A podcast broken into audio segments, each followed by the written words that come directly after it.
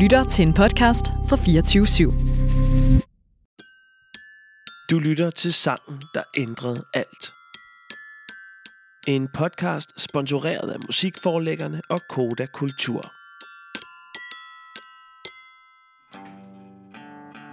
Sange ændrer vores liv. De forandrer vores syn på verden, på dem omkring os og på os selv.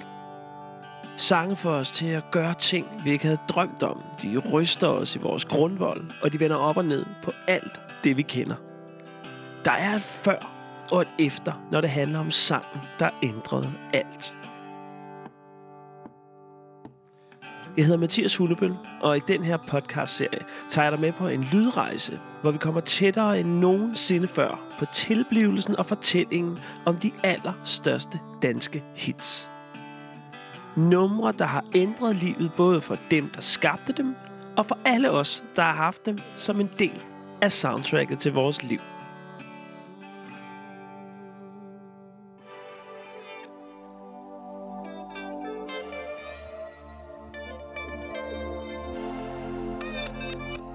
Og i dag der handler det om bandet Katinka, og især det her nummer.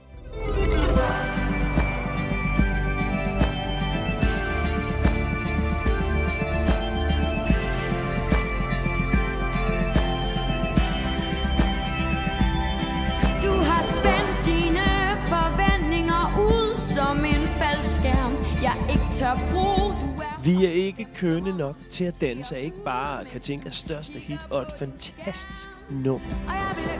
Det er blevet et mantra og en slagsang for en hel generation af danske musikfans. Og så gemmer sangen på en historie, der simpelthen er for god til ikke at blive fortalt. og for første gang har du intet at sige. Festen er forbi,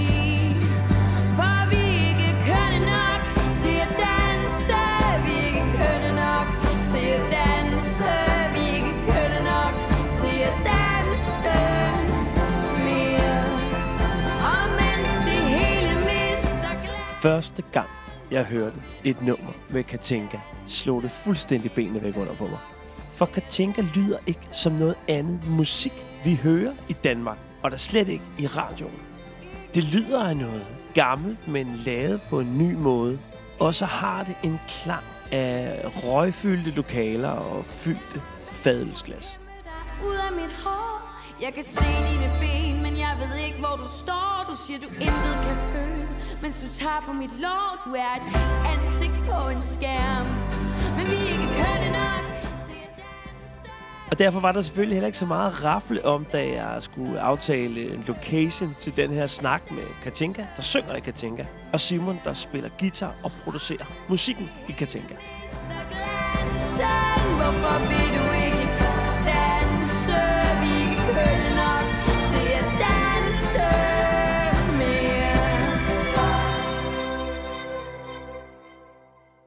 Lad os lige starte med at tage fat i, hvor vi egentlig er. Ja, øh, vi sidder på Christianshavn på øh, bodegaet øh, Fingerbøllet. Og Fingerbøllet er et sted, der har betydet noget for mig sådan, siden, at jeg lærte at drikke. øh, lang tid siden. og lad, os- lad os lige skåle på det. skål. Fordi selvom, selvom klokken den er 20 minutter over 11, og det er tirsdag, så kunne vi godt lige få en, en lille fadøl. ja, ej, det ville føles underligt øh, andet. Øh, men men øh, Fingerbøllet har også betydet noget. For det det er et sted, vi har drukket, mig og Simon, øh, som venner øh, og som øh, kollegaer. Øh, det er også her, jeg er blevet gift. Ja, og det er også øh, her, vi holdt, øh, vi holdt pladerelease på Fingerbøllet for øh, albummet øh, Vokseværk. Så vi har ligesom... Vi Der, har, er der ikke også lavet vi har lavet, jo, Musikvideo, vi har lavet ikke mindst. Ja. Ikke mindst til Ja. ja. nummeret, vi er kønne nok til at danse. Det var sjovt, jeg glemmer det vigtigste. Det er på grund af den der fadel. øhm, øhm, Ja, og det er jo det nummer, vi sådan skal starte med at dykke ned i. Og så bruge det som et afsæt til at forstå hele Katinka-universet. Men hvis vi starter ud med, med bare det, jeg vil kalde lyden af Katinka. Min kone, hun fangede viben, og hun købte de to første EP'er og begyndte at spille dem derhjemme. Og fra starten, så var der også sådan en, både en lyd og en følelse af sådan sene nattetimer og brune værtshuse, og også en klang sådan i hvert fald vokalmæssigt fra en anden tid. Altså musik, der blev sunget som viser, måske på værtshusene. Giver det mening? Ja, det giver, det giver mening. Altså, man kommer jo af noget rent sådan vokalmæssigt, øh, og jeg har altid været alt for doven til at lære at frasere som en, en popsanger. Det, det, det sagde mig ikke så meget. Jeg har også lænet mig meget mere op af, af mandlige musikere frem for kvindelige, hvilket også måske betyder, at den måde, jeg sådan øh, min æstetik, i hvert fald det, jeg søger efter, er lidt mere 70'er øh, sådan lyd, hvor at, at det er en anden, en anden øh, tradition, end der er i dag i forhold til sådan pop, hvis man skulle forholde sig til Medina og Beyoncé, eller sådan. Der ligger jeg mig helt et andet sted. Øhm. Det nummer, vi skal, vi skal snakke om, vi er kønne nok til at danse, det har jo også i virkeligheden en forhistorie, som lidt handler om det der med at skulle blive sat op imod de her poptyper, fordi det vil... Ja, altså... Øhm Ja, det var jo på en eller anden måde, så er det en sang øh, om mødet med øh, pladebranchen i, det, altså sådan, i den største klichéer egentlig. Øh, det er imponerende, når man finder ud af, at man er med i en kliché. Jeg havde lidt som om, at vi var, det var en dårlig film. Skal vi ikke lige tage en tår af øllen, og så mens vi lige synker den, så spoler vi tilbage til ja, 2015, gætter jeg på. Ja, skål. Oh, hvor du sidder i mig Det går rundt og rundt og rundt og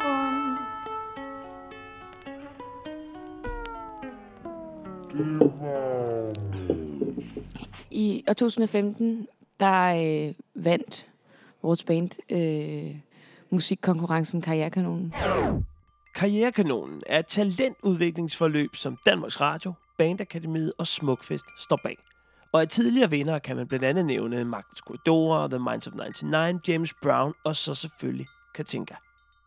Og udover at være en musikplatform, hvor man kan opdage nyt dansk talent, så gør Karrierekanonen også en stor indsats og tilbyder talenterne hjælp med at etablere en karriere i musik igennem inspirations- og netværksarrangementer, rådgivning og sparring i forhold til sangskrivning, scenoptræden, aftaler, presse osv. Og hvad sker der, når man vinder Karrierekanonen? Så øh, får man en præmie, som øh, er et, øh, et forløb, hvor man sådan ligesom talentudvikler på det, der nu er, er har vundet. Og på det her tidspunkt, der har jo, I har udgivet en EP. Ja, Jeg ligger her igen. Uden at du røntgen fotograferer mig. Jeg tigger her igen. Det tog lidt tid, tror jeg, for os at finde ud af, sådan, når man vi er et band, og det tog ret lang tid for mig at finde ud af, at det faktisk var det, jeg ville, at jeg gerne ville være musiker, og jeg gerne ville skrive sange sammen med Simon og sådan noget. fra dig Jeg kunne brænde for evigt Som dine ukendte digte Der er vel egentlig lidt sådan en trætrinsraket, at først så er man bare nogen, der mødes og laver musik. Hmm. Og så finder man ud af, hov, vi er faktisk en, et band. Og så længere ned ad vejen, så finder man ud af, hov, jeg er faktisk også sangskriver. Ja, Så der er vel sådan nogle selverkendelser, der går op for en løbende.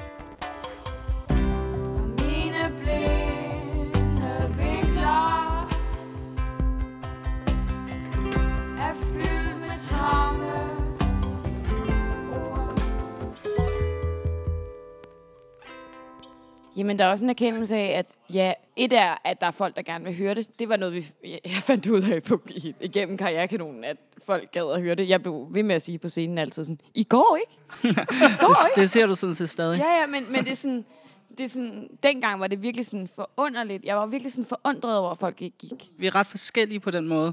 Altså, på sin vis er Katinka meget mere bulrende end mig, men, men samtidig havde jeg nok mere en, sådan en plan på en eller anden måde. Altså, jeg, jeg, var, jeg ville gerne være musiker, og, og jeg kunne se noget i det her. Øh, altså, det, det startede jo med, at, øh, at, at vi havde en, en fælles ven, og, øh, og, øh, og hun, hun satte os så sammen. Øh, fordi hun vidste, at Katinka havde lavet nogle sange, og hun vidste, at jeg lige var begyndt at have købt et lydkort og, og producere øh, derhjemme. Det er jo også fedt, at det, var sådan, det er sådan en definition på, når man, okay, så er jeg producer. Jeg Ja, ja, jeg ja. lydkort, jeg har en mikrofon. Ja, præcis. Jeg havde spillet guitar i mange år, og virkelig sådan, virkelig nørdet, nørdet, nørdet, nørdet. Men jeg kunne se, at sådan, jeg, jeg kunne jo ikke bruge det at spille guitar til noget, hvis ikke jeg havde nogen, der ligesom var med på den. Og der så jeg så min ven Tobias, som så senere kom med i bandet på trommer, at han kunne lave elektronisk musik alene. Og så var jeg sådan, okay, så er det, så, så er det, det, jeg må. Så må, Ja. jeg, må jeg lære det, så man kan være et, øh, et, et band alene.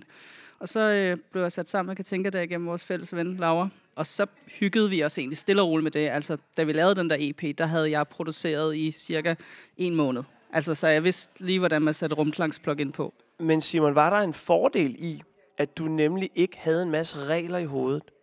Altså, jeg startede jo også selv ud som musiker.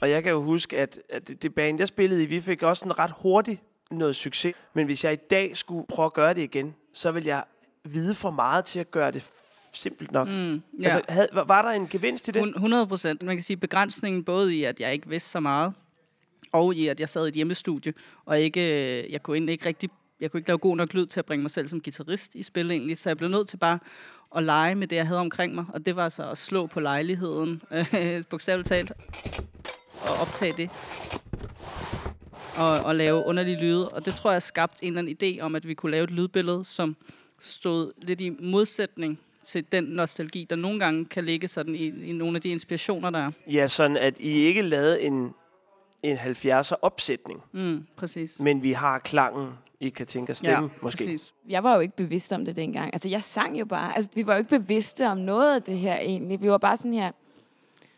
Hvordan laver man skræmmet lyd bevidst? Netop dengang var, det, var der ikke noget, der var bevidst. Men nu siger du selv, at I, I spillede på hele lejligheden. Altså rundt og rundt. Hvad er der proppet på den, for eksempel? Rundt og rundt og rundt og rundt. Mm, jamen, der er dels et, et hårspænde, der, øh, som også er blevet brugt i en anden sang. Øhm, forgroninger.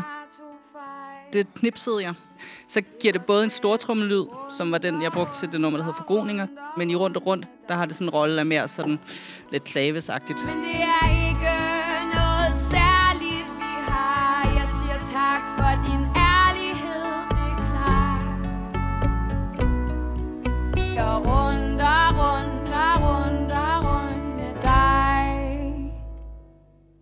Så, så sådan nogle ting, ikke? Og, og det var jo bare noget med at... Altså, jeg, jeg, havde ikke, jeg var ikke bevidst om, at der lå en milliard samples på nettet. Så, Nå, så, så I samlede egentlig selv? ja, Vi ramte jo et eller andet ret perfekt øhm, nogle gange. Og den, den mavefornemmelse, når man rammer noget perfekt, den, var virkelig, den havde man lyst til at søge og søge og søge igen ja, det og første igen. nummer blev lavet på, øh, på 4-5 timer, var det sådan ligesom produceret færdigt. Og det tror jeg var vigtigt, at, at det var sådan... Der, der gik vi fra at være sådan, hvor skal vi hen med det her? Og så smed jeg bare øh, en reverb på. Og så var det var sådan, man gør i starten. Ja, og så var vi var sådan, Det, her, det er sådan her. Ja, Solen den skinner, så lad dog være.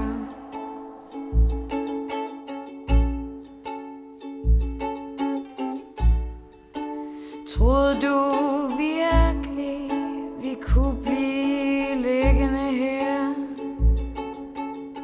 tror også for mit vedkommende var det også netop, fordi jeg ikke vidste en skid dengang, at jeg kunne øh, have så meget optur over den rumklang. Ikke? Første EP ville vi ikke kunne skabe igen, fordi det er så råt og upoleret. det er jo den spæde start på den måde, at det ikke er en bevidst beslutning af et band, der ligesom siger, nu udgiver vi noget først. Vi var bare sådan her, nu har vi fire sange, skal vi ikke udgive det? Jo, lad os prøve. Mm. Altså, Ja. Ja, og, og det der jo så skete, lige da det blev udgivet, så kom det på øhm, barometerlisten. ja. Men hvad nummer? Det var forgroninger. Ja. Så I, okay. Det første nummer, I laver sammen på fire timer, Mm. det bliver også det første nummer på jeres EP og jeres første single. Mm. ja. Ja. Kan jeg få det fedt? Og tonen, som du nu har glemt Og brevet, som der ikke blev sendt Det falder mig nu Det er så der, man kan sige, at, at, at vi tænker, okay, det kan et eller andet det her. Fordi det var bare sådan kæmpestort for os, at det var en, der havde trykket play i radioen på vores nummer. ja. Sad I så selv og mailede alle vennerne, så I, og husk nu, og sms'ede, og... Ja, ja, jeg tror, man kunne sådan et uh, trick med at gå ind på incognito, og så kunne man stemme uendeligt og sådan noget. Ikke? Ja. Ja, ej, hvor fedt. Ja, Det, prøv, prøv, det er jo gode tricks, det her, til, til nye bands. ja, men altså min far, han sidder jo bare, han stemte på alle sine browser, og sådan på sin arbejdscomputer og sådan noget. Ej, det var det meget fedt. sådan, det, det, var, det, var, det var sjovt, det der med lige pludselig Jeg at være tror, jeg tror, vi gik ind på en tredje plads Ja. foran Mø. All dreams sleep tonight They'll be safe fast we fight in the journey of the band. Det var vildt for os. Ja, vi var, det var meget storslået, synes vi. Men så lad os lige spole frem, fordi så sender I så rundt og rundt ind til Karrierekanonen og ender med at vinde det. Og så kommer I i gang i det her forløb, som jo så... Det er jo et skræddersyet forløb efter Karrierekanon, og det er jo meget velmenende. Men igen, øh, musik og, og band er jo ikke, det er jo ikke en opskrift. Nej. Det er, øh, altså det der med, når folk hører noget nyt, så er det jo fordi, det også er nyt. Og fordi der er nogle mennesker, der er nye og gør noget andre ting, end der er gjort før.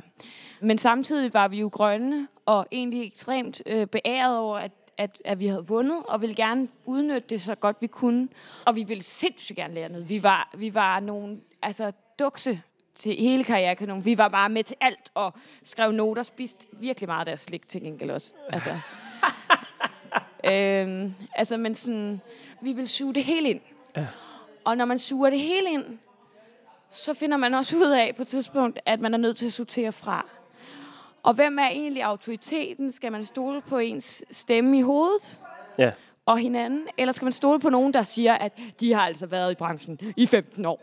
Og der var sådan en fælles øh, konsensus i det her øh, karrierekanon-gruppe, at vi var for rodet. Vi var for gøjlet. Vi ville lidt for meget. Ja. Og, og det var faktisk Simon, der holdt fast i det der med sådan, Nå, men kan tænke stemme og kan tænke sangskrivning er tråden i det her. Ja. Vi kan gøre alt. Men de var sådan her, nej, I skal begrænse jer, I skal finde jeres lyd, jeres DNA. Jeg har to dagbøger med, og, jeg, og en af de ting, der står mest i den, det er, at jeg er en flue i et syltetøjsglas. Og det er jo et eller andet billede på, at, at vi har været presset. Altså, Ja. at jeg, altså, vi har ikke vidst, hvor mm. vi skulle gå hen. Frem til I vinder Karrierekanonen, så har det jo bare været altså ren optur. Først et venskab, man finder ud af, hov, vi kan lave musik sammen. Hov, vi kan lave et nummer. Hov, vi kan udgive en EP. Hov, barometerlisten. Hov, Karrierekanonen. Og lige pludselig, så alt det, der bare føles rigtigt, det får I at vide. Mm, det er forkert. Det er ja, forkert. Ja. Prøv at se. Okay, altså, der er en side, hvor der er tegnet en DNA-spiral, og så står der DNA, pladeselskab, pressebillede, måske 1. oktober, og så er der en lille båd, der hvor der står, du rejser, måske vil du bare gerne sejle væk. Jamen, ja, det vil sige, det var lidt et meget billede på, hvordan jeg havde det på det tidspunkt. Hvad fanden var det så, de ville med jer? Altså, og, og, hvad, og hvad er det, der sker, fordi... det, der skete, var jo, at, at alle var enige om, at vi skulle finde DNA'en. Og ja. jeg tror, at vi følte, om end vi nok ikke bruger så sådan øh, flotte billeder som DNA, så tror jeg, at vi følte, at vi havde fundet, hvad Katinka-projektet var. Og, øh, og vi følte jo egentlig, at det havde gået udmærket, og vi f- tror også, altså vi var mega meget i tvivl om, de havde ret. Fordi altså, når man kommer ind i musikbranchen der, og altså, jeg havde, jeg ville gerne være musiker, ikke? så har man sådan en, en eller anden sådan den professionelle branche. Okay, de må jo fandme have fattet den og regnet den ud, ikke? Og jeg tror, jeg føler, at, øh, at ja, første EP var skide rå, fordi at, altså, jeg havde lige lært at plukke mikrofon til, men jeg vidste også, øh, hvor arbejdsom jeg er, og, og hvor meget jeg sådan kæmpede for det. Og de ting sat sammen gjorde, at, at jeg troede på, at jamen, det kunne jeg sagtens. Øhm, og der var sådan, der var, alle var enige om, at vi skulle finde DNA'en. Der var så nogen, der var sådan lidt mere, øh, den eneste, der kan noget her, det er Katinka som person. De tre andre i bandet, øh, ud med dem, ikke? De sagde, at man kan lave den, øh, kan tænke til den danske Amy Winehouse.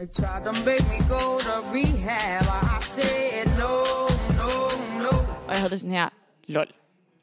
Ja, ja for det, det, var, det var det modsatte af, hvad vi kom fra. Altså sådan et hjemmestudie og, og brune værtshuse. Tanken var, at en producer og et, et pladselskab skulle sluge mig. Hmm. Og så om fem år, så kom jeg ud som sådan en et eller andet, som de havde skabt. Det var slet ikke det, jeg ville, og jeg vidste ikke, hvad jeg ville, men det var i hvert fald ikke det. Det var ubehageligt, og det var sådan, ja, man, man følte sådan, men vi har jo lige, altså vi er lige i gang med at bygge noget op. I har Ja. ja. lige, uh, I har ladet os vinde noget, og nu vil I pille os fra hinanden fuldstændig. Ja. Så mødtes vi på, øh, det var et sjovt sted at mødes, mellemrummet. Vi har lige været til møde hos Jesper. Ja, Ja, vores booker. han er the good guy her. Øh, og, og han kunne sige sådan, jamen det er jo jer, der har skabt det, der er nu. Ja. Så hvorfor ikke fortsætte med det, ikke? Og jeg kan fortælle, at uh, Katinka, hun sidder, øh, hvis jeg lige skal være lidt sportskommentatoragtig, hun sidder og leder i sine dagbøger. Men I, I mødes så på Mellemrummet. Mellemrummet er en café på Ravnsborgade i København, baseret på frivillig arbejdskraft. Hvad sker der på Mellemrummet? Øh, Der sker det, at vi beslutter os at gå fælles front. Det hed dagen. Det hed øh, Katinka Band går fælles front. Øhm, øhm, vi, øh, jeg skulle cykle, vi skulle cykle til Vesterbro og mødes med den her manager, som havde en idé om, hvordan vi skulle gøre alting. Og vi skulle, bygge en, vi skulle lave en plan, og vi skulle lave planer, og vi skulle lave planer, og vi skulle lave planer, og vi skulle i hvert fald ikke udgive noget nu, fordi... Bah, bah, bah, bah, bah. Og det regnede, og på vej på cyklen, der tænkte jeg sådan her, den der sjove dans, det var at være med i Karrierekanonen og drikke sig fuld på øh, Radisson på spot og få rigtig meget ros. Og så lige pludselig var det bare ikke sjovt at få ros længere. Jeg synes, det var ubehageligt at få ros. Fordi det var sådan ligesom om, at rosen altid handlede om, at den ros ville noget. Altså, den ville have noget ud af mig. Der står også flere steder i min dagbog, at, at jeg er ved at gå op i limningerne. Og for mig så var det også, altså da, vi, da jeg skrev det, så var det rigtig meget en erkendelse. Altså det jeg skrev, det var, øh, Spænd dine forventninger ud. du har spændt dine forventninger ud som en faldskærm, jeg ikke tør bruge. Du er højstemt, som om du citerer Gud, mens du kigger på din skærm. Kigger på din skærm. Ja. Og det var det første, jeg skrev. Øhm, og det var sådan et, vi spænder det her fantastiske tæppe op, og så kan du kaste dig ud i det, og så være sådan, "Mm, det er slet ikke det, jeg vil. Jeg vil gøre det med min familie. Øhm, så mødtes vi på mellemrummet, og så sagde vi, okay, nu er vi nødt til lige at åbne kortene op her. Så sagde jeg, den her manager ringer til mig hele tiden og siger, at jeg er det eneste, der kan er godt i det her band. Hvad tænkte du, da du hørte det, Simon? Øh, jamen, jeg, jeg tror faktisk, at du doserede nyheden lidt for Ja, ja, os. Jeg ja. tror, at du først øh, bare lige sagde sådan, skal vi ikke bare sige, øh, fuck, fuck øh, ham. Ja. Og så var jeg sådan, jo, fuck ham. Det var først senere, jeg fandt ud af, sådan, hvad der reelt øh, var sket. Og der blev jeg jo, øh, der blev jeg jo sur af helvede til. Og det, ja, det er sådan set stadig, men altså, vi har jo fået vores hævn, så det er jo dejligt. Vi er ikke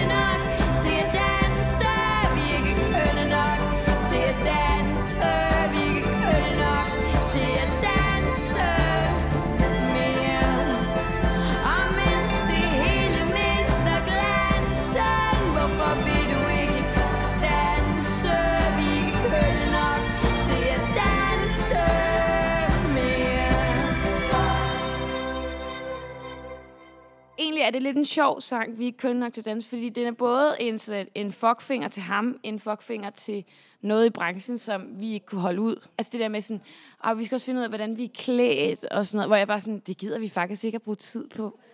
Og så samtidig sådan en, okay, hvad kan være vores sådan underligt bagvendte sådan, øh, slagsang? Det er lidt en, min pendant til øh, Leonard Cohen's øh, We're Ugly, But We Got The Music Ja. sådan, øh, sige sådan, vi er kønne nok til dans, og det gør fucking ikke noget. Vi danser jo alligevel. Vi gider ikke at danse på en eller anden bestemt måde, og vi gider ikke at gøre det i, til en eller anden tone eller en rytme, som nogen andre har bestemt. Fordi så vil jeg faktisk heller ikke være musiker. Sådan havde det. Men lad os nu lige dykke lidt ned i, hvordan de her sange så opstår. Det starter med nogle fragmenter af en tekst, som i virkeligheden udspringer fra tanker fra din dagbog. Men så sidder du derhjemme på ukulelen. Ja. Det er jo også meget autentisk, fordi at jeg spiller lige så godt ukulele som dengang, som nu.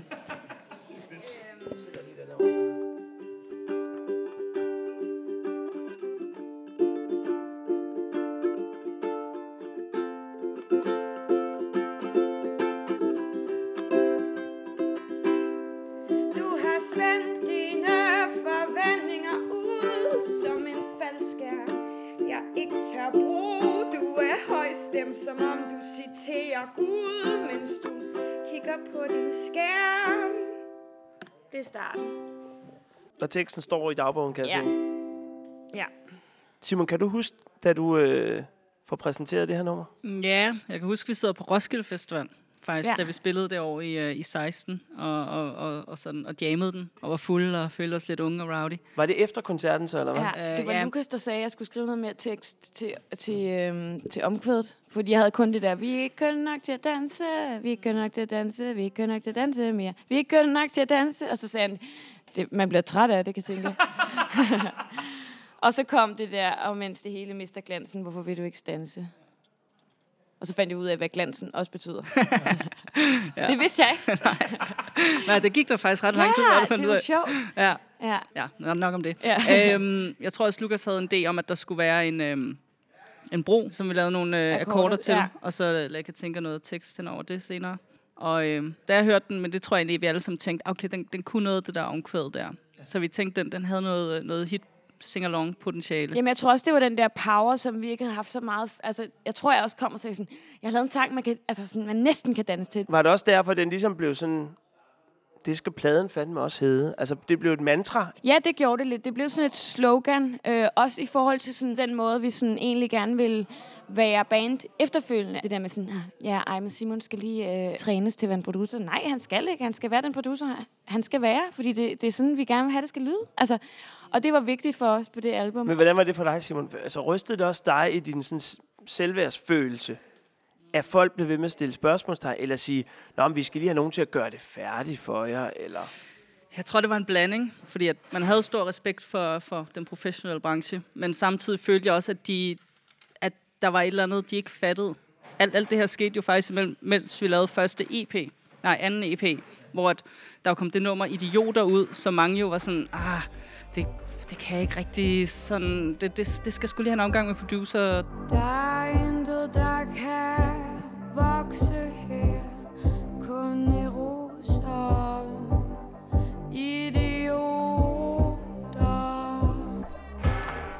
Og, og så det endte jo med at blive nomineret til årets nummer til en øh, Steppeul-pris. Ikke? Og, og, og det er jo et meget godt eksempel på sådan, jamen det kan da godt være, at man kunne gøre det helt anderledes og få flere streams. Eller Det er meget, meget muligt, at det kan være, at vi kunne Re kan tænke os hår, så kunne hun også få flere streams, så hun lige tog brillerne af og sådan noget. Ikke? Ja, tag lige Og- og- brillerne af, tænker.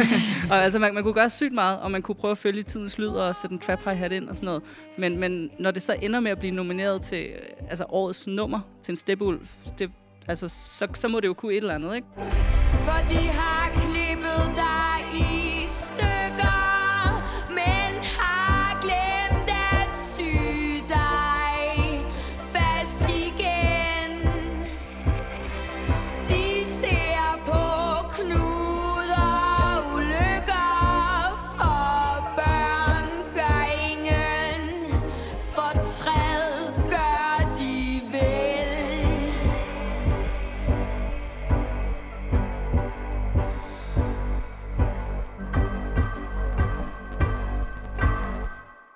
Var det også med til at, at jer til at ranke ryggen og ture stole 100% på jer selv? Det var en del af det i hvert fald. Jeg tror, den blev endelig afsluttet, da vi ikke kunne nok til at danse kom ud på vores første fuldlængde album. Og jeg, jeg tror i hvert fald, jeg havde en følelse af, at det kom ud, og vi sådan fik vildt gode anmeldelser, og vi var på turné samtidig, og det hele var sådan lidt vildt, og sådan, wow, det, det skete. Der, der var det sådan som, okay, nu, nu er det et lukket kapitel. Ja. ikke? Ja. Og nu er, vi, nu er vi landet på en Ja. eller anden måde i det her. Og også det der med, at vi fik også snakket lidt med karrierekanonen om, hvad, hvad skete der egentlig dengang? Og så sagde de faktisk også undskyld. Men det blev også til lidt mere end bare en undskyldning til Katinka fra den samlede Karrierekanons redaktion. Den omtalte rådgiver blev taget af projektet, blev indkaldt til en samtale og har efterfølgende ikke samarbejdet med Karrierekanonen siden. Ja, og Katinka de blev heldigvis kun en øh, stærkere og mere samtømret gruppe efter oplevelserne med verdens værste manager. Hvis vi sådan lige skal snakke lidt om sangens rejse fra den er indspillet og til, at den bliver en, som folk virkelig tager til sig. Er det første singlen også? Jeg tror, at første single var Du tænker ikke, Nå ja, det og så kom Luftballoner, Nå! og så kom vi ikke kan køn nok til at danse. sange på. Fordi jeg tror, at, øh, at der var en følelse af, at vi ikke køn nok til at danse, måske også var lidt for lystig og lidt for bodega, til ligesom at være øh, vores sådan... Ja. Så det var ikke den første single, men, men det var selvfølgelig titelnummeret. Kan I mærke på folk, den kan noget? Jeg vil sige, altså sidste turné, der var det sådan overvældende. Altså, der fik vi ikke lov til at synge den selv. Folk var kommet også for at synge. Vi Så det er sådan en sang, der vokser og Ja. vokser. At være til stede, mens folk synger en sang på den der måde, det var ret fedt. Den havde plantet sig og bygget sig sådan op og lært folk at kende. Men når I så står på scenen og så spiller, vi er ikke køn nok til at danse, hvad er det så for en følelse, der er? Jeg har det sygt nice altid, nærmest. Jeg skråler virkelig. Og det er sådan en af de numre, som er sådan, folk synger med på. Altså, vi kan få folk til at synge med, og jeg har altid haft det sådan her.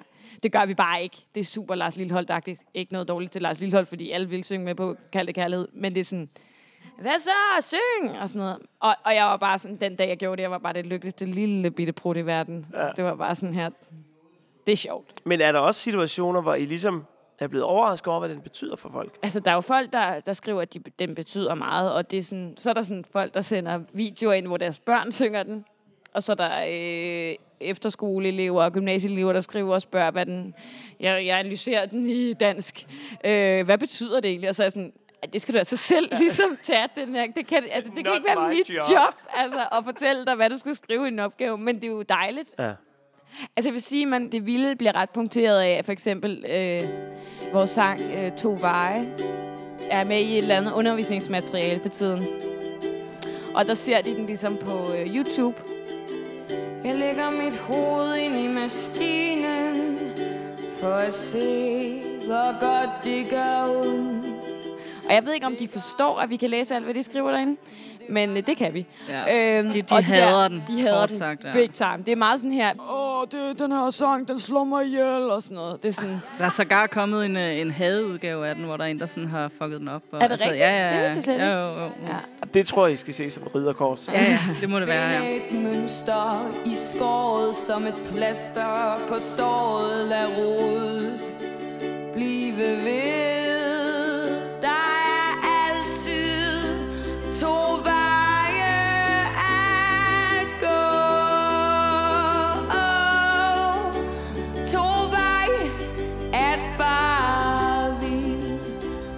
arbejdet sammen i over 8 år nu.